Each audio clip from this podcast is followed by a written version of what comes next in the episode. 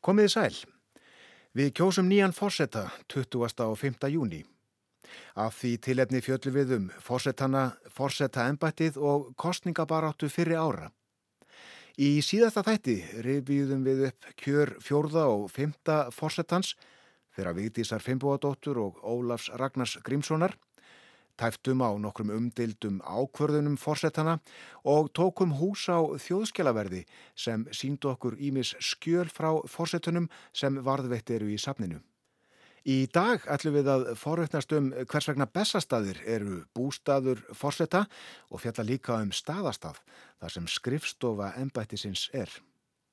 En fyrst að öðru. Ekki er til formleg starfslýsing fyrir ennbætti fórseta Íslands en um það gilda bæði reglur og hefðir. Veiga mikil atriði eru í stjórnarskráni og ímislegt hefur mótast með árunum. Og ættir að segja að fórseti hverju sinni hafi nokkurt svigrum til orða og aðtapna. Í stjórnarskráni er minnst á fórsetan strax í fyrsta kabla.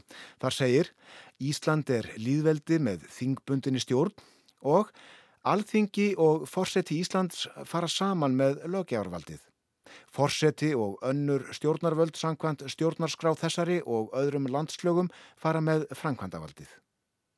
Annar kapli stjórnarskrárinar fjallar svo um forseta embættið og þar segir meðal annars að forsetin skuli vera þjóðkjörin og kjörin beinum leinilegum kostningum. Hann þurfi að vera orðin 35 ára, megi ekki vera alþingismadur og megi ekki þykja laun frá öðrum Hann hafi aðsetur í Reykjavík eða nágrenni að kjörtímabil fórsetta skuli vera fjögur ár og hefjast 1. ágúst, að fórsetta kjör skuli fara fram í júni eða júli, að handhafar fórsettavald skuli fara með fórsettavald ef fórsettin deyr, lætur af störfum, er lasin eða er erlendis, Forsetin á að vinna eið eða drengskaparheit að stjórnarskráni, hann er ábyrðalös á stjórnaratöfnum og hann verður ekki sóttur til refsingar nema með samþykki alþingis. Svo er hér merkilegt ákvæði. Hægt er að leysa forsetan frá ennbætti áður en kjörtíma hans er lokið. Til slíkrar gjörðar er stopnað á alþingi og þurfa þrýr fjörður hlutar þingmanna að samþykja að efna til þjóðratkvæða greiðslu um málið og meiri hluti þarf að fást í þjóðratkvæða greiðslunni. Falli málið í þjóðratkvæða greiðslu skal alþingi rofið þegar í stað og enn til nýra kostninga. Á þetta ákvæði stjórnarskrárinar hefur ekki reynd. Svo er það starfslýsingin, ef svo má segja. Forsetin lætur ráþeira framkvæma vald sitt, hann skipar ráþeira og veitir þeim lust, hann ákveður töluðeira og skiptir störfum með þeim, hann skipar ríkisráð á samt ráþeirum og hefur þar forsæti. Bera skal upp við forsetan lög og mikilvægar stjórnarráðstafanir og veitir hann þeim gildi með undirskrift á samt ráþeira. Forseti getur látið leggja frumvörp fyrir alþingi, Fórseti getur, þegar brína nöðsin ber til, gefið út bráðabyrðalög ef alþingi er ekki að störfum. Fórseti veitir þau ennbætti er lögmæla og getur vikið mönnum frá ennbættum sem hann hefur veitt. Fórseti getur flutt ennbættismenn úr einu ennbætti í annað. Fórsetin gerir samninga við önnu ríki. Þó getur hann enga slíka samninga gert nema með samþykki alþingis eða þeir felaði sér afsal eða hvaðir á landi eða landhelgi eða eða þeir horfa til breytinga á stjórnarhugum ríkisins. Fórseti stefnir alþingi saman og setur þingið og getur frestað fundum þess tiltekinn tíma. Fórseti getur rofið alþingi og skal þá kjósa til nýst þings innan 45 daga. Það er gömul saga á nýjað, Marta þessu er fremur óljóst og býður upp á ólíkar tólkanir. Ágreiningur eru margt, þótt orðalag geti verið tiltullega skýrt eru hinn eiginlegu völd og verkefni ekki klift á skorinn, sem dæmi ákveður fórseti ekki fjölda ráþeir á skiptir með þeim störfum nema nafninu til. Og þóttan sangkvæmt stjórnarskrá veiti tiltekin embætti er það í höndum ráþeira að ákveða hver hlítur þau. En stjórnarskráin er lifandi plagg eins og síndi sig aldeilis 2004 þegar 20. og 7. grein hennar var virkjuð en hún hafði af ýmsum verið talin döður bókstafur enda með öllu ónótuð í 60 ár. Ég er að tala um sinnunarvaldið. Óláður Ragnar Grímsson sinjaði fjölmiðlalögunum svo nefndu staðfestingar árið 2004 og 20. og 7. greinin varð sprell lifandi. Hann bettinni svo aftur í tvígang í æsseif tæpum áratug síðar. Og svo þetta. Forsetin getur ákveðið að saksókn fyrir afbrott skuli niður falla ef ríkar ástæður eru til. Hann náðar menn og veitir almenna uppgjöf saka. Og forsetin veitir annarkvort sjálfur eða með því að fela það öðrum stjórnvöldum undan þáur frá lögum sangant reglum sem farið hefur verið eftir hingað til. Þessar greinar stjórnarskrárinar eru óneitanlega afskaplega opnar og hægt að beita þeim með ýmsum hætti. Sem kunnutt er var hér að störfum stjórnlaga ráð sem vann frumvarpað breytingum á stjórnarskráni. Við kynum okkur rétt á eftir umfjöllun og tilugur þær er stjórnlaga ráð gerði um forsetta ennbættið. En hverfum fyrst tilbaka til þess tíma þegar gildandi stjórnarskrá var samþygt. Í frumvarfi til stjórnskipunar laga voru tvö mikilvæg ákvæði sem tóku breytingum í meðförum þingsins. Annað er tiltölulega léttvægt og þó, en hitt afskaplega mikilvægt. Í stjórnarskrár frumvarpinu sem kom fyrir þingið í janúar 1944 var gert ráð fyrir að formlegt heiti forsetta ennbættisins skildi vera forseti líðveldisins. Því var breytt í forseti Íslands með þeim raukstuðningi að viðeigandi væri að kenna forsetan við landið. Og þá að því mikilvæga, í frumvarpinu var gert ráð fyrir að alþingi kísi forsetan. Frá því var horfið og ákveðið að hann skildi þjóðkjörin en það þótti það í samræmi við vilja og óskir mikils þorra þjóðurinnar. Frá upphafi hefur það verið þannig að ef fleiri en einnir í frambóði er sá rétt kjörin sem flest atkvæði fær. Við stjórnarskrárvinnuna 1944 var mjög um það rætt hvort setja eitti ákvæði til tryggingar því að fórsetin er því endanlega kosin af meiri hluta þáttakenda í fórsetakjöri. Þetta efni hefur annarslægi verið rætt til dæmis í aðdraganda kostningana nú. Á sínum tíma voru ymsar leiðir skoðaðar er tryggja gætu að meiri hluti væri að baki fórsetanum en engin hlaut samþykki í sérstakri stjórnarskrár nefnd þingsins. Hvaðst nefndin mæla með því fyrirkomulagi sem að endingu varð í trösti þess að þjóðinni tækist að fylgja sér þannig um fórseta efni að atkvæði dreifðust ekki úr hófi fram eins og það var orðað. Nefna má að í upphaflega frumvarpinu þar sem gert var ráð fyrir að alþingi kísi fósetta, var hveðið á um að fósetti þyrti að fá meira en helming greitra atkvæða, næðist sá atkvæðafjöldi ekki skildi kjósa á ný og ef enginn hefði enn hlotið meiri hluta skildi kjósa á milli þegar að tvekja er flest atkvæði hefðu hlotið. Og ef þeir erðu jafnir skildi hlutkesti ráða hvor erði fósetti. Alþingi samþykti stjórnarskrána samhljóða og þjóðin var sátt í þjóðratkvað greiðslu þar sem þáttakann var 98,4% sögðu 98,5% já.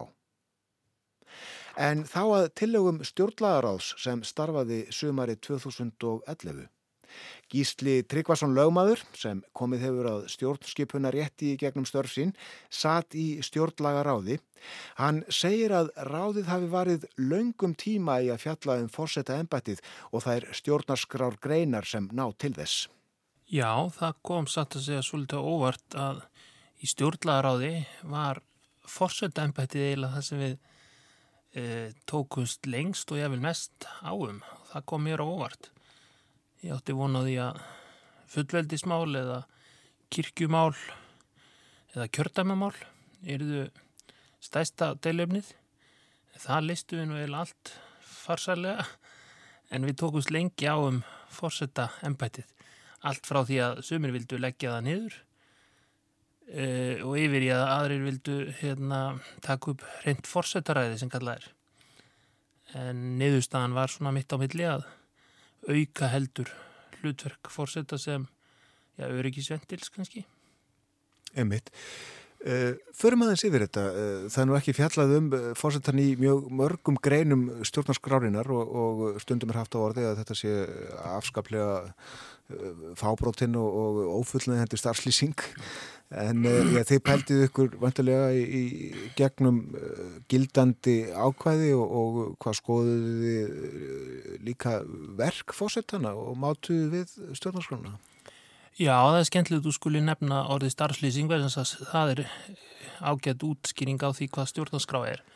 Hún er starfslýsing fyrir aðstu handhafa uh, ríkisvalds og þess vegna töldu við nú að, að megin handhafar ríkisvalds eins og alþingismenn nættu ekki að hafa frumkvæði eða aða hlutverki að setja sér starfslýsingu en hún er, já, fábrótin að því leiti að, að þau mörgu ákvæði í gildandi stjórnarskrá sem fjallar um fórseta að það lýsir ekki vel raunverulegu hlutverkjans. Það er oft minnst að fórseti gerir hitt og þetta en svo telja flestir lögfræðingar að 13., 14. og 19. grein um, um ábyrð, framkvæmd og undirskrift taki þetta frá honum. Þannig að fórseti hefur svona sakvært gildandi stjórnskipun aðalega tvennskona hlutverk. Það er eh, hlutverk við stjórnarmyndun og síðan þetta neikvæða hlutverk að mega sinja lögum staðfestingar sem kallað er málskottsréttur. En það er í bæði gömlu og nýju stjórnarskráni minnst uh, á fórsuttan í, í, tögum skipta en um, í gömlu stjórnarskráni er þetta ekki mjög lýsandi. Stæsta hlutverkið sem við töldum okkur falið í stjórnlagaráði var að gera stjórnaskrána þannig úr gardi að venilegt fólk þyrti ekki að, hvað sé að hafa lögfræðilega aðstóðið að skilja stjórnaskrána. Þannig að nú er yfirleitt uh, í nýju stjórnaskráni eða tilugum stjórnlegar ás ef það er sagt að fórseti gera eitthvað þá á hann að gera það. Mikill munur Já. á því sem að, að, að nú er gildandi en, en eh, ég kannski aðeins að því að ég nefndi það áðan sko skoðuðu eh, störf og verk fórsettana? Og... Já, eh, í valdþáttanemdin eða nefnd B sem ég satt í og hafði hlutverk fórsetta mm, sem verkefni þar satt fólk sem hafði bæði sint pólitísku starfi og settið alþingi og tveir stjórnmálafræðingar, tveir lögfræðingar Þannig að við skoðum mjög mikið söguna og sjálfur hefur við lesið mjög mikið til um það og e, hef nú einmitt talið að sko að fimm fórsetum hafi nú þrýr verið frekar sterkir pólitíst. Sveit Björnsson, Ásker Áskersson og Óláður Ragnar Grímsson og þó voru Kristján Eldjarn og, og Vigdís Finnbóðadóttir engar liðleskjur pólitíst. Þau voru virk í pólitísku starfi á yngri árum og höfðu skoðanir og og þurftu stundum að beita sér eins og dæmir um mm, sérstaklega kannski 1980 þegar Kristján Eldjón var komin á fremsta hlun við að skipa utan þingstjórn þegar Gunnar Tórótsen uh, greipi taumana og taldi sér þurfa að verja heiður alþingis og klauf sinn flokk. En við horfum mjög til, já, þeirrar vennju sem hafði skipast í, í störfum þessara fimm fórsett okkar og, og Jú, ég hef hugsað nú að störf núverandi fórsetta og þáverandi ríkstjórnar hafi smitað svolítið inn í starfið. Til dæmis tóku við að tvímælum það að fórsetta eitt ekki að rekka uttaringistefnu eins og okkur fannst kannski merkjum að núverandi fórseti væri farin að gera. Það væri hlutverk ríkistjórnar og fyrst og fyrst uttaringisráðara í umbóði alþingis. Gísli Tryggvason. En hverjar voru megin línutnar um fórsetan í stjórnarskrar frumvarfi stjórnlaga ráðs? Eina aðalbreytingin varandi fórseta er að við reyndum að taka út öll ákvæði sem að fjöldluðum að fórseti gerði hitt og þetta sem hann gerði svo ekki í raun. Ég held þó að við séum með, með skusti, eitt stílbrót í þessu að fórseti á að staðfesta náðun og sakaröpgjöf og senlega það því að við töldum það svo mikið ingripp í sjálfstæði domsvald að, að það er það að vera eitthvað meira en flokkspolítískur á þeirra sem að staðfist í það. En eh, annars er hann sagt, í nýju stjórnarskráni eh, minna stimpilbúði eins og stundum við talaðum í nýrandi merkingu. Nú stjórnskipunarétturinn er auðvitað í, í stöður í mótun og margir töldu að hann væri stimpilbúði í sambandi við þingróf nú eru bara tverjar viku síðan að fórsetin neytaði að gera það sem að margir töldu honum skilt að gera eða hann myndi gera og það var að því að tillaga fráfarandi fórsetsræðara um þingru var já, allavega umdeilanlega huga fórseta. Nú, hann heldur hins vegar óskert um málskótsrétti eða rétti til þess að sinja lögum staðfestingar. Eina breytingin sem við gerum á því er að hann þarf að raukstiða málsitt eh, sem hann hefur svo sem oft gert. Uh, og síðan hefur hann kannski skýrara hlutverki í sambandi við uh, stjórnarmyndun. Uh, það er sett upp, uh, hvað sé að, svolítið ákveðin leikjafræði sem á að tryggja að kjósendur kannski viti fyrirfram hver verði fórsætsræðara og að það sé ljóst hvað gerist ef að, ef að fyrsta til að er til meins ekki samþygt og, og, og þrautalendingin er eh, minni hlutastjórn en samt þingstjórn.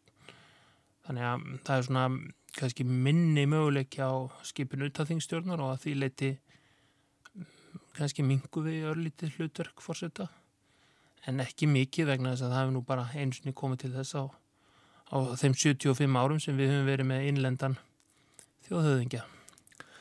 Þið eh, lögðu líka til breytingar á eh, fyrirkommalagi fórsetta kjörsins þar að segja að eh, úslitinn þurfa að vera afgerandi. Já, það er sett inn, inn regla um að engin verði fórseti nefn að hafi 50% atkvæða eða meira, greitur atkvæða en það hvort því er náð með um, tveimur umferðum eins og í Fraklandi eða með um, einhverjum kostningaðförnum sem heita ymsum nöfnum, um, fyrsta val og annað val og eitthvað slíkt.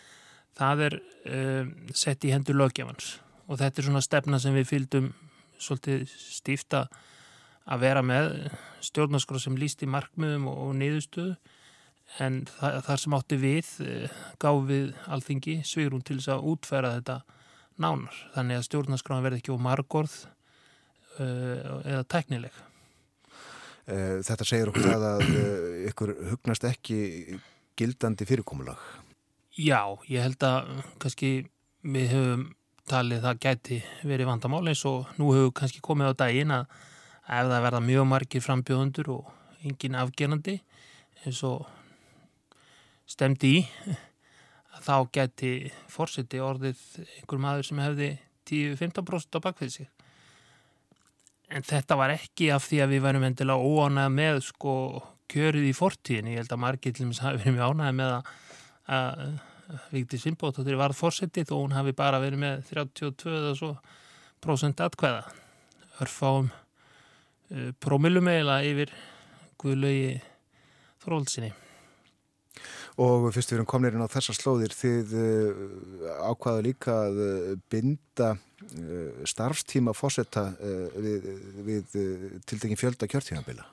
Já, bæði ráþerar og, og fórsett Íslands fá á sig hámark um, eins og er í flestum líðræðisríkjum. Það er eiginlega bara konungbornir sem að fá að sitja eins lengiður vilja eða, eða eins lengiður lifa. Hvers vegna uh, lögðu þið til að, að fósetti geti aðeins setti í þrjú kjörtíðanbíl? Já, meðalans að því að það eru fyrirmyndur um það og svo er bara löng saga fyrir því að, að og bæði saga á heimsbyggi fyrir því að ef menn setja á lengi þá verða það of heimaríkir, ef svo má segja. Já, mér finnst það líka í ögum uppi að menn eigi ekki að setja á lengi á valdastóli og það þótti svo sjálfsagt lengi í bandaríkjónum að það var ekki eins og niður sett í stjórnaskrána fyrir um miða síðust öld. Menn fylgdu því bara. Menn hafa náttúrulega ymsa skoðanir á þessu ennbætti og uh, lítaða misjöfnum augum uh, sumir uh, segja að fórsetin eigi að vera öryggisvendill eins og þú talar um. Uh, Æri segja að hann eigi að vera uh, saminningatákn þjóðarinnar. Uh, það er nú svolítið svona uh, óljóst hugtak finnst mér í það minsta. Hefur þú velt því fyrir þér? Já, ég hef nú gert það en ég hugsa að þetta sé oft íls samrýmanleg fyrirbæri sko að vera saminningatákn og mótvægi eða aðhald. Okkar þjóðhauðingi eða fórsiti, ríkistjóri og fórsiti hefur í nokkur skipti, til dæmis 1942 og, og sennilega 1950 og síðan 2004 fjölmjölulegin og, og 2016 þegar hann neytaði um þingrof, eh, þá hefur hann sínt uh, valdtöfum aðhald uh, þá ég mist þingmerri lutanum eða, eða setja þetta ríkstjórn á þeim tíma er náttúrulega erfitt fyrir hann að vera saminningatákn fyrir allavega þá sem eru steyðja valdhafana eða ríkstjórnina uh, en við neyðar aðstæður held ég að fórseti geti verið slíkt saminningatákn eins og við þekkjum úr stærri ríkjum sem að kannski standa í átökum umdeldur bandaríkja fórseti er stundum saminning að tákna á neyðar tímum en þess á milli er hann kannski mjög umdeldur. Þetta var Gísli Tryggvason lögmaður sem satt í stjórnlagaráði sem starfaði sömarið 2011. Ráðið vann frumvarpað nýri stjórnarskrá og afhendi alþingi en ég veit satt að segja ekki hvaða orð réttast er að nota um afdrif þess. Hvort segja ég að það hafi dagað uppi, verið stungið undir stól eða hvað. Stjórnarskráin er í það minsta óbreytt enn. Mart hefur verið rætt og rítað um stjórnarskrána í gegnum árin og ímsar tillögur settar fram. Eina langa meg að minnast á hér og nú Árið 1947 skrifaði Ólafur Jóhannesson, þá profesor í lögum við háskólan en síðar fósættisráð þeirra, hugleðingar um stjórnarskrána í stúdentablaðið. Saði hann endur skoðun nöðsynlega en það vildu alþingi og allir stjórnmálaflokkar ganga í það verk. Ólafur fór nokkrum orðum um ágalla á stjórnarskráni og varpaði fram nokkrum hugmyndum er komið gætu til álita í fyrirhuguðu breytingaferli. Ólafur sagði marga þeirrar skoðunar að breyta þyrti valda afstöðunni millir þingsins og fórsetans. Gera þyrti fórsetan að æðra valdhafa framkvæmda valdsins, sjálfstæðari og óháðari þinginu eða meiri hluta þess. Til mála geti komið, skrifaði Ólafur, að stíga skrefi til fulls og greina algerlega millir hinn að þryggja þáttar ríkisvaldsins og fela sitt hverjum aðila meðferð hvers þáttar um sig. Alþingi er þið þá engöngu lögjafarsamkoma en forsetin færi með framkvæmdavaldið, ekki aðeins í orði heldur og í reynd. Þar að segja, hann skipaði ráþera án að beina þingsins og þeir bæru ábyrð fyrir honum. Forsetin er þá vitaskuld þjóðkjörun eins og nú er. Hugsanlegt væri einnig að forsetin væri jafnframt forsætis ráþera. Tilvitnum líkur. Það eru þetta ímsar leiðir færar. En þá að allt öðru. Bessastaðir hafa verið setur þjóðhauðingjans frá upphafi.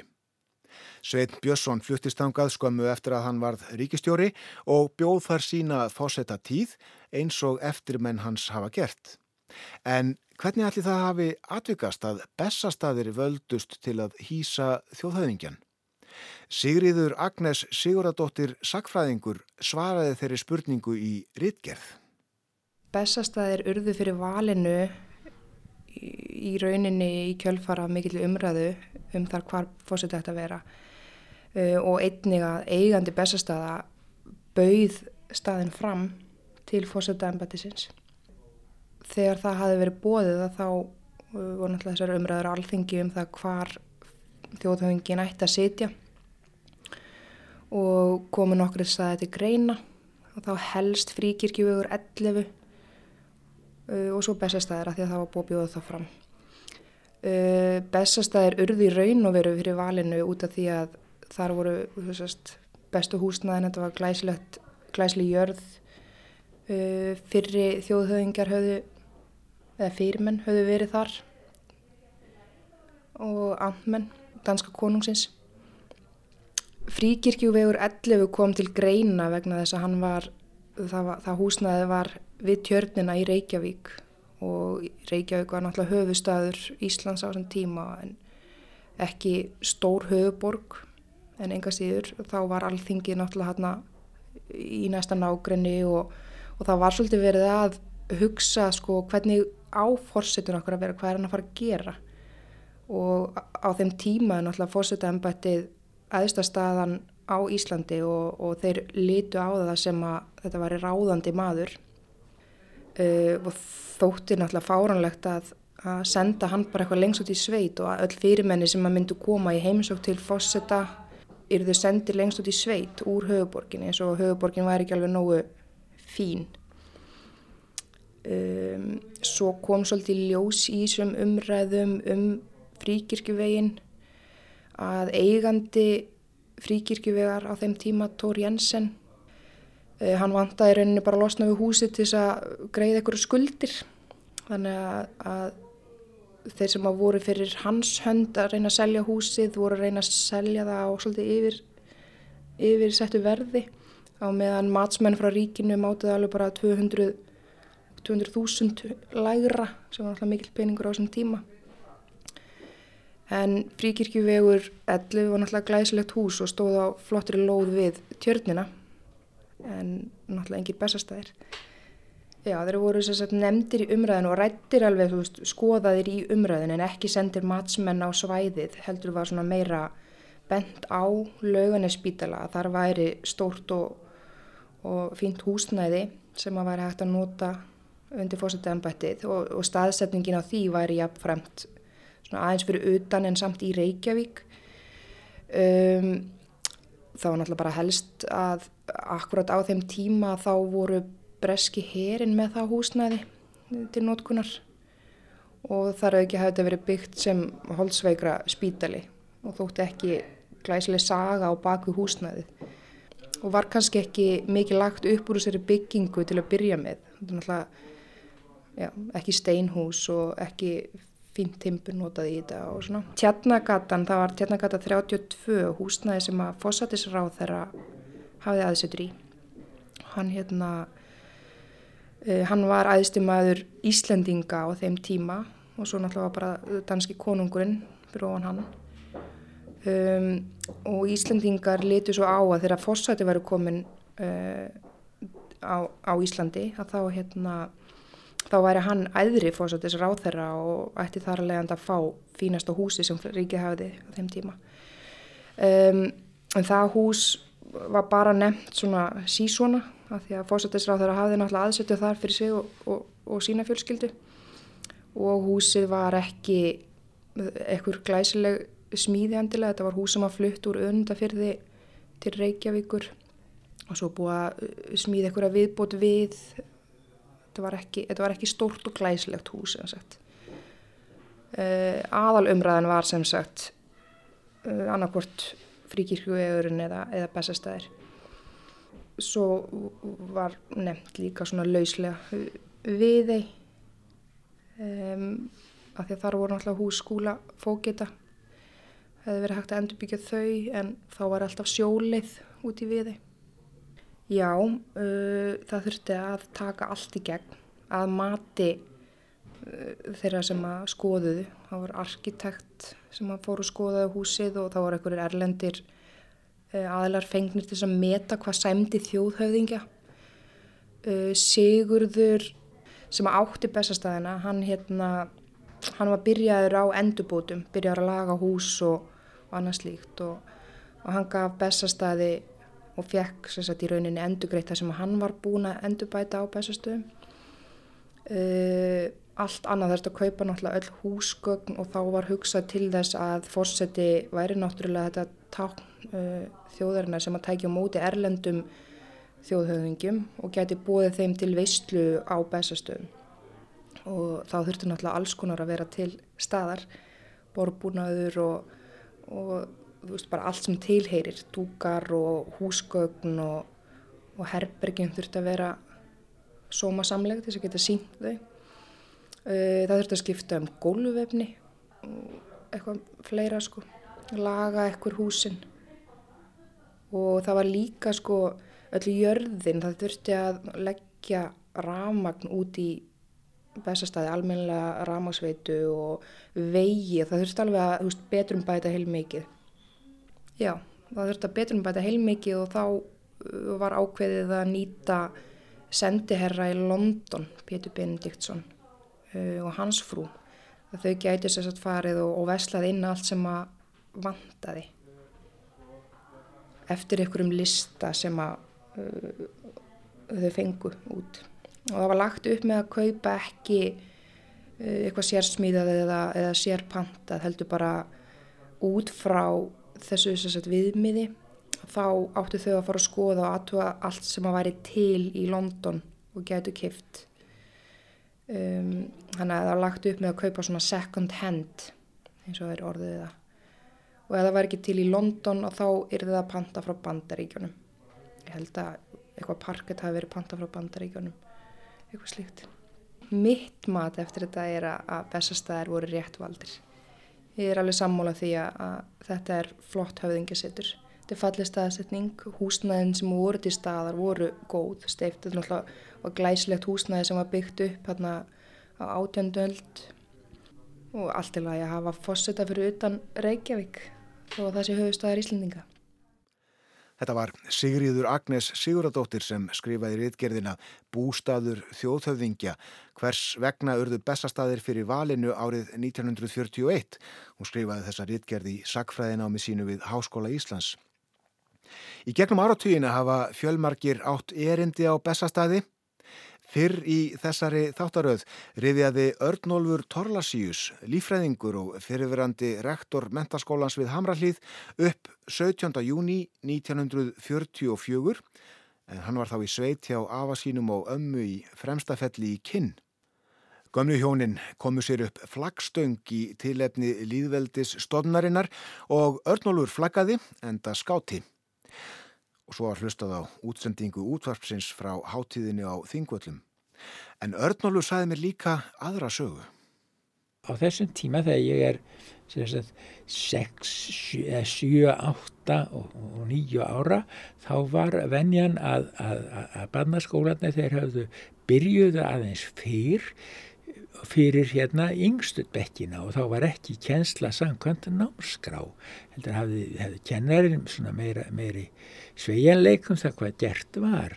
Og við fórum með okkar kennara það var gerðið Guðmundsdóttir hétt hún mikil sómakona hún, hún fór með okkur einhver tíman í, ég man ekki hvort það var að voru að hausskóli þá fór hún með okkur í, í, í fjöru á hérna, nálægt bestastöðum eða bara fyrir bestastöðu og, og, og þar sem við fórum og skoðum náttúruna, skoðum stjeljar og, og þang og gróður og svona og fylgdust með sjávarföllum og þegar og við erum búin að vera þarna svona talsveða stund þá þetta, þetta er á sko dögum þess sem að sveitin er ríkistjóri þetta er fyrir daga líðveldisins þá kemur sendibóði frá bestastöðum og býður okkur til, til segir að ríkistjóra frúin er, er, er, er ein heima eða, eða maður hennar er ekki heima og hún býður okkur, býður okkur í heimsokn og við fórum þákað inn og hún tók afar vel á mót okkur, síndi okkur ímsa muni sem þar voru til og sagði okkur svona svolítið sögu staðarins og, og, og, við, hurf, við fórum frá henni með mjög góðar veitingar, hún gaf okkur stóra súkulaði stengur sem að sem, sem, sem ekki voru til hér á markaði, einhverja einhver amerískt súkulaði, ég man nú ekki lengur hvaða hétt en, en það ég efast um að aðrir gestir hafi farið þakklátari frá bestastöðum síðar.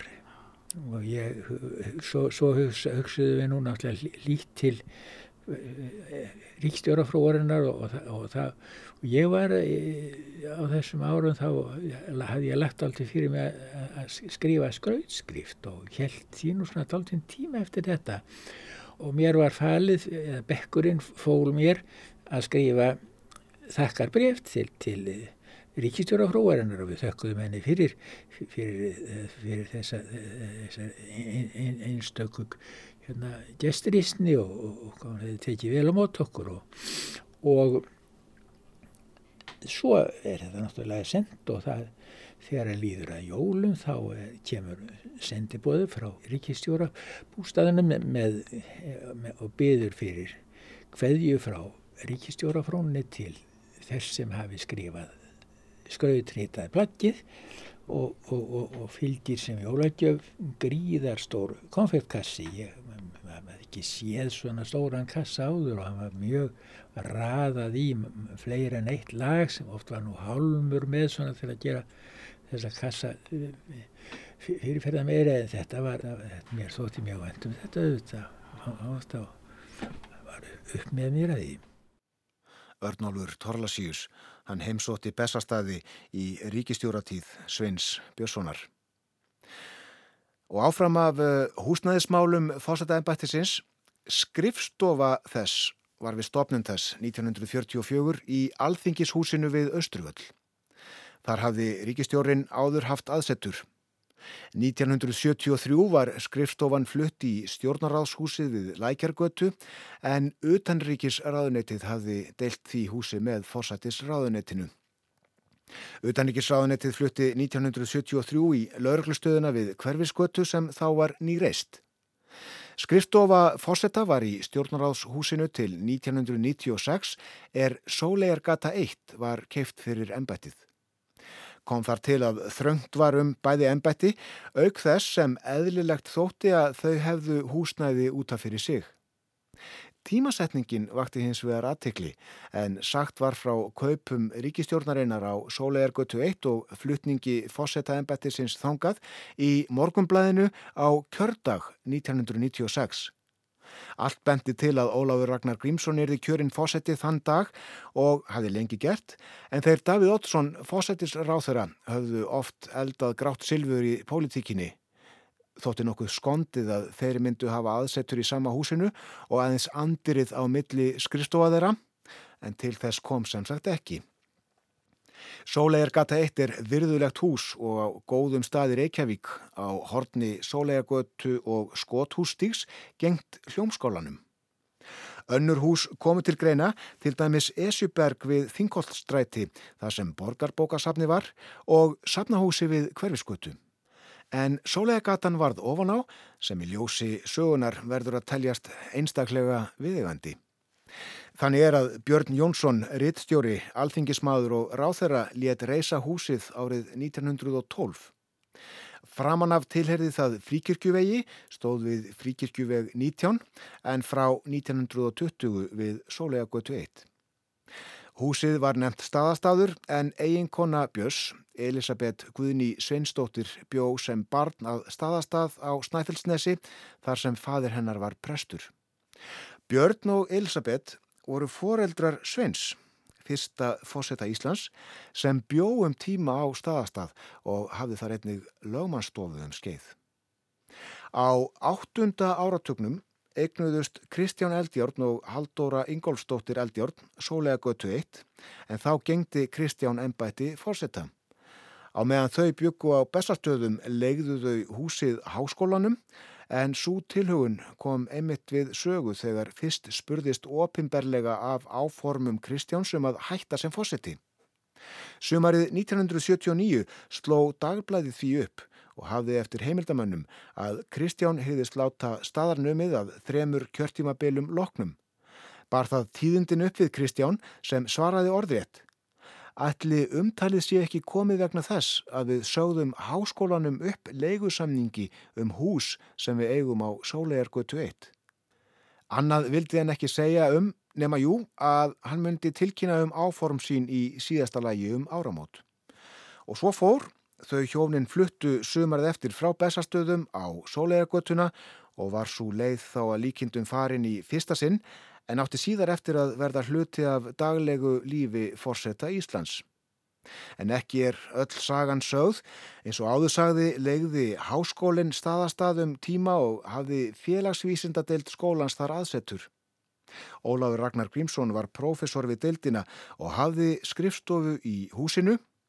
Svo sama skrifstofa varð aftur vinnuaðstafa hans er hann varð fórseti 1996. Við segjum þetta gott að forsettum í byli, meira síðar, verði sæl.